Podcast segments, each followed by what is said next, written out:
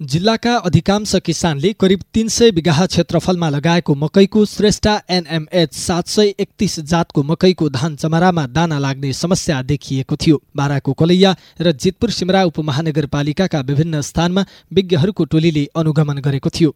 मकै बाली अनुसन्धान केन्द्र रामपुर चितवनका मकै वैज्ञानिक महेन्द्र त्रिपाठी। जुन चाहिँ धान चमरामा भाले फुल मात्रै हुनुपर्नेमा जुन चाहिँ गेडा लागेको जस्तो अवस्था देखिन्छ त्यो चाहिँ एबनर्मालिटी हो अथवा जुन हुनुपर्ने नर्मल कन्डिसन होइन। त्यसले गर्दाखेरि अब दाना भरिने अथवा दाना चाहिँ पुष्ट हुन लाग्ने शक्ति चाहिँ त्यसमा केन्द्रित हुने हुँदाखेरि पन्ध्र अठार प्रतिशत जति उत्पादनमा कमी हुन्छ यो श्रेष्ठ जातमा भन्ने हामीले चाहिँ नि आकलन गरेका छौँ अहिलेसम्मको अवस्थामा। श्रेष्ठा एनएमएच सात सय एकतिस जातको मकैमा मात्रै समस्या देखिएको छ। श्रेष्ठा भारतको हैदराबादमा उत्पादित भए पनि नेपालमा रोप्नका लागि सिफारिस भएको जात हो। तर मौसमको प्रतिकूलताका कारण मकैको बोटमा अनौठो समस्या देखिएको पाइएको छ।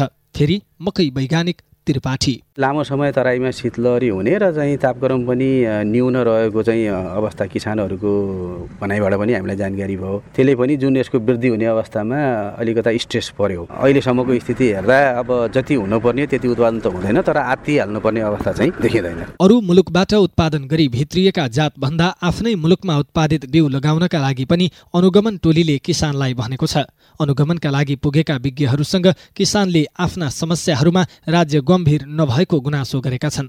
जितपुर सिमरा अठार बडहरुवाका किसान उमेश कुमार बस्नेत। सबै किसानको त अब घरमा पैसा छैन। ऋण गरेर लगा हुन्छ। उहुको पैसा एक वर्षमा आउँछ। त्यही पनि किस्ता किस्तामा। अब धानबाट हुन्छ कि भन्यो धान लगाए फौजी किराको आक्रमण। मकै लगाए यो हालत। अनि किसान कसरी उभो लाग्छ? ऋण धन गरेर खेती गर्दै आएका किसानले जुनसुकै बाली लगाए पनि समस्यामा पर्दै आएका छन्। यसअघि पनि बाह्रमा करिब छ सय पचास किसानले लगाएको मकैमा घोगा नलाग्ने समस्या देखिएको थियो।